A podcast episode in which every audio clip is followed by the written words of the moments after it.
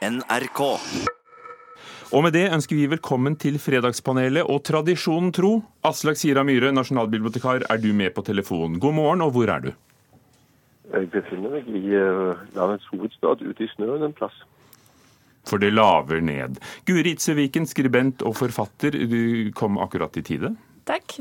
Og Terje Eidsvåg, kulturkommentator i Adresseavisen. Er det mye snø i Trondheim? Ja. Da har vi fastslått det, men det hindrer ingen i et land som Norge. Første spørsmål i dag er mange norske forfattere vet altfor lite om hvilke regler som gjelder for å bruke innhold som andre forfattere har skrevet, sier en eh, opphavsrettsekspert vi snakket med tidligere denne uken. Eh, hver uke møter han kunstnere som føler seg usikre på hva de får lov til å sitere når de f.eks. skriver en bok. Forlagene må ta mer ansvar, sier han, og det kan forfatter Tore Renberg skrive under på at de ikke gjør, med erfaring fra mange forskjellige forlag. Og jeg kan ikke huske å komme inn i et rom og sette meg ned med en redaktør og få spørsmålet Tore, har du sitert noen tekster her som du ikke vet om, og som vi må kikke på? Jeg kan ikke huske at dette er en del av kulturen vår. Bør forlagene være strengere med hva forfatterne kan sitere uten å si ifra Guri Idsøviken? Mm, nei. Terje Eidsvåg? Eh, tja. Aslak Sira Myhre som det mest boklige av dere? Ja, vanskelig. Ja. Uh, Terje Eidsvåg, dette kommer jo uh, i kjølvannet av at Gyllendal trakk uh, lyrikksamlingene til en forfatter i forrige uke, fordi andre mente seg plagiert. Og her har du en durkdreven forfatter som Tore Renberg som sier at de bryr seg egentlig ikke, de redaktørene.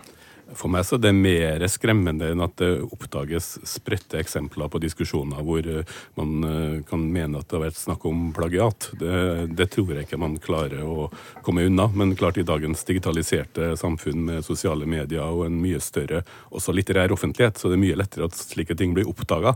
Derfor så er det desto viktigere også at uh, forlagsredaktører ansvarliggjør sine forfattere. Så jeg blir mest skremt når Tore, en veteran som Tore Renberg forteller i hvor liten grad det her er tema. Og så kan man jo ha en annen diskusjon om hvor mye man kan hylle, parafrasere og sitere, som jo har vært en del av litteraturen i, i, i tusenvis av uh, år. Men uh, at bevisstheten om det bør opp, og at uh, forlagene må ta et ansvar, mest kanskje i forhold til forfatterne før bøkene blir utgitt, det mener jeg er helt åpenbart. Guri Siviken, når du sitter og skriver, for det er jo noe av det du driver med, er det, er det fristende å, å ta noe som kanskje ikke kom fra ditt eget bryst? Altså, Jeg stjeler ideer hele tida, og det tror jeg alle gjør. Alle bygger, All litteratur er bygd på annen litteratur. Det er Alt språk er bygd på annet språk. Sånn er, sånn er den skriftlige kunsten, og sånn er, den, sånn er billedkunsten, og sånn er musikk og sånne, de fleste kunstformer. Så er det jo sånn at man skal jo likevel være bevisst på hvordan man stjeler. Og om, om, man er inspirert av en idé, eller om man skriver en hel en setning fra et dikt, så er jo det en forskjell. Det ser jeg også. Men jeg syns ikke at forlagene skal bruke veldig mye tid på å fortelle forfatterne hva de ikke skal gjøre. For det vil jo gjøre dem eh, skjønnlitterære forfattere da, vil jo gjøre dem veldig ufri. Og det, det syns jeg ikke forlaget skal holde på med. Men jeg syns jo forlaget skal være bevisst på det. Det syns jeg. Aslak, eh, hvor mye er lov å bruke fra andre? Det er ganske delte meninger blant forfatterne i Klassekampen spurte denne uken.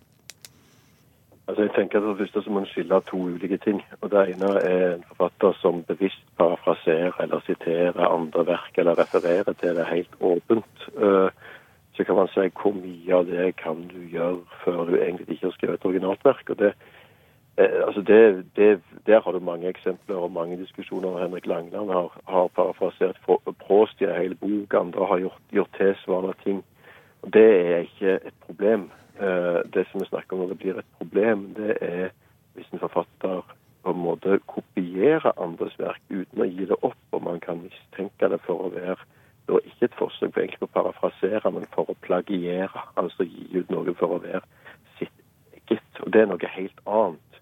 Og det er for først, først og fremst forferdelig trist, eller, eller forferdelig kjipt når det skjer. Jeg vet positivt at, at, norske forlag er opptatt av det etter tidligere saker. Jeg vet at de har vært i kontakt med bl.a. Nasjonalbiblioteket for å prøve å finne metoder for automatisk å oppdage det osv. Uh, og det, det, er ikke en lett situasjon, for det er en situasjon hvor, hvor tilliten mellom redaktør og, og forfatter i utgangspunktet er brutt. Fordi at man, man, man gjør noe i hemmelighet. Så jeg mener at Man må skille de to forskjellige tingene ad. Plagiat og det å parafrasere er to forskjellige ting. Mm. Og det, det, er veldig viktig. Ta Bob Dylan. Hva ville han ha vært hvis han ikke skulle latt seg inspirere? Og noe av gleden både ved å lese forfattere og høre musikk, det er jo å, å spole seg tilbake og oppdage det som har vært inspirasjonskildene.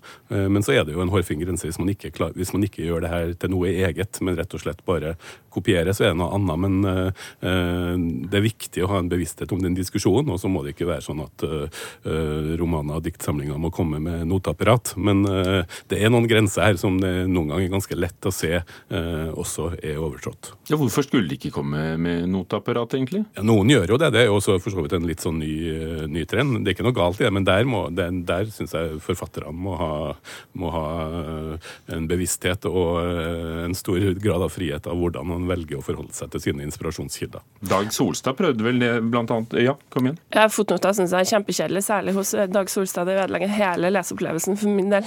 Men, eh, men jeg syns det er helt eh, fint med sånne forfattere som har en liste bakerst, hvor de skriver i, i den prosessen her har jeg vært opptatt av sånn og sånn bøker. Det gjorde f.eks. Carl Frode Tiller i sin forrige bok. Hvor skrev han bakerst noen bøker som han hadde lest. Men det var jo først og fremst faglitteratur. For du klarer ikke å la være du når du ser et lite firetall oppi et hjørne og slå opp? Nei, det er veldig forstyrrende, syns jeg. Jeg blir veldig stressa av det. Dere, vi, vi, snakker litt mer om bøker. En seier for den folkelige litteraturen forkynte lederen for det ganske nystartede Forfatterforbundet, som ble stiftet i fjor. De konkurrerer med den over 100 år gamle Forfatterforeningen, og skal få lov til å dele ut offentlige penger. Penger som forfatterne får eh, til gjengjeld for at bøkene deres står til gratis utlån på bibliotekene. I Forfatterforbundet så holder det utgitt en bok med en redaktør, og det er ingen jury som bestemmer over litterær kvalitet. Sånn som det har vært i Forfatterforeningen. Det førte bl.a. til at Frid Ingulstad, som har solgt millioner av bøker, virkelig millioner, aldri ble medlem. I en av debattene så sa hun øh, dette om den holdningen. altså, jeg syns jo Forfatterforeningen gjør noe helt feil der. Det viktigste må være å få folk til å lese en bok, og bli interessert, og få fortsette å lese, og få leselyst. Så nå har vi to forfatterforeninger. Blir det bedre litteratur for oss som leser, Aslak Sira Myhre? Nei, jeg tror ikke det blir bedre litteratur, men det blir vanskeligere utover litteraturpolitikk. Og jeg tror uh, den eh, gamle forfatterforeningen har, uh, har drevet på draget i å skape en situasjon mm. hvor, hvor, dette skjer. Vi kommer tilbake til det. Um, nei. Eidsvåg? Eh, nei, åpenbart ikke. Aslaug Sira Myhre, du har eh, holdt på med lesing og leselyst og bøker eh, så lenge vi kan huske. Og, og for å høre deg skikkelig, tal høyt og tydelig rett inn i mikrofonen, er du snill. Hvorfor har de uh, drete på draget? Den norske forfatterforeningen har sammen med norske barne- og ungdomsforfatterforeninger og Den norske forfatterforeningen for faglitterære forfattere, de har representert forfatterne i Norge. Både politisk og økonomisk gjennom avtaler som bibliotekvederlag, kopivederlag, bokhylleavtaler og andre ting.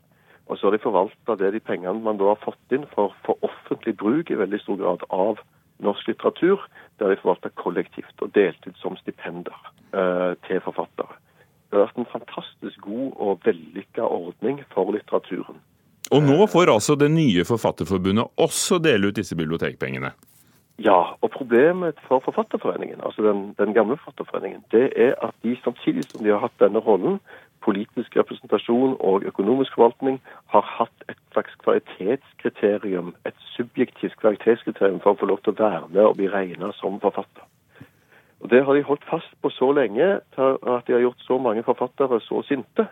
Uh, at de da har fått en konkurrent på sida av seg. Det... det er ikke et problem i seg sjøl at den eh, konkurrenten òg får dele ut midler. Problemet er jo da at for en politiker som da har to forfatterforeninger som er uenige, så kan man ikke lenger si ja, nei, forfatterne mener sånn eller forfatterne mener sånn, for man kan velge en forfatterorganisasjon man syns representerer mm. det synet som politikerne sjøl har. Så muligheten til å samle forfatterne bak en kollektiv politikk blir dårligere. Og det er ikke pga. Forfatterforbundet, det må Den norske forfatterforening ta ansvar for. Eidsvåg? Eh, for meg så er det helt utrolig. Eh, Forfatterforeninga må jo være den eneste fagforeninga i verden i 2019 som prøver å hindre folk som ønsker å betale for å bli medlem og organisere seg, å bli medlem. Det kan godt hende at den der klausulen om ett verk av litterær verdi var fornuftig i 1893 eller 1928, men hvis man ikke ser at det undergraver hele den modellen med både bibliotekvederlag og representativitet i forhold til eh, stipendvurdering. Eh, eh, for å spille på Aslak sitt bilde, da, var det Einar Førde som skal ha sagt om en rival som overraskende ble henta inn i NRK, at det var bedre at den sto innafor og pissa ut enn utafor og pissa inn. Veldig, og, den, ja. og, den, erkjennelsen virker det som ikke har gått opp for Forfatterforeninga. Men det er veldig flott at alle kan organisere seg. Poenget med Forfatterforeninga er at de eh, gir en retning på hva som er det beste kvaliteten i litteratur i Norge i dag. Og det trenger vi, tror jeg, i et så lite litteraturunivers som Norge. Denne uken kom Medietilsynet med nye tall. Tre av fire barn mellom 9 og 12 år er på sosiale medier, selv om aldersgrensen er 13 år. En som føler dette presset, er engasjert mor Ane Dahl Torp. Det å reise seg opp og si dette her tror jeg at uh, ikke er bra for sjelen til barna. Jeg tror de begynner å iscenesette seg selv. Jeg tror det at de kan se hva de andre gjør i sanntid, er skadelig. Og så å ta til orde for det når andre allerede har gitt, latt sine barn få sosiale medier, det er vanskelig, ubehagelig, fordi det er det samme som sånn, jeg tror du oppdrar barna dine på en måte som skader dem. Mor og skuespiller. Bør foreldre nekte tolvåringer adgang til Snapchat? Guri? Nei. Terje? Nei. Aslak Sira Myhre? Nei. Ganske unisont, men denne 13-årsgrensen da, Itzeviken? Ja, eh, Snapchat eh, har jo den 13-årsgrensen for å slippe å ta ansvar for det barn gjør eh, på Snapchat når de ikke er gamle nok. Så greit nok, det er en ansvarsforskrivelse. Men foreldre må jo ta ansvar likevel, sjøl om ungene er i sosiale kanaler. Så må de jo ta ansvar for det ungene gjør der.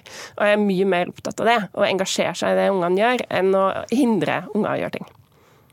Eidsvåg. Ja, når du spurte om 12 og grensa er 13, derfor så sier jeg hadde du sagt 9, så ville jeg, så ville jeg kanskje ha svart annerledes. Ja, for de er der når de er ni år gamle òg. Ja, nettopp. Og det er kanskje et større problem. Men, men, uansett hva foreldrene velger å si, og hvis de tillater det, så bør de jo fordre det også et større ansvar for foreldrene å, å se hva, hva, som foregår på de her kanalene, og engasjere seg mer i akkurat den biten. Men, men 12 år når grensa er 13, opplever mye verre, grellere eksempel på uh, andre sektorer av Medietilsynet, innenfor film f.eks.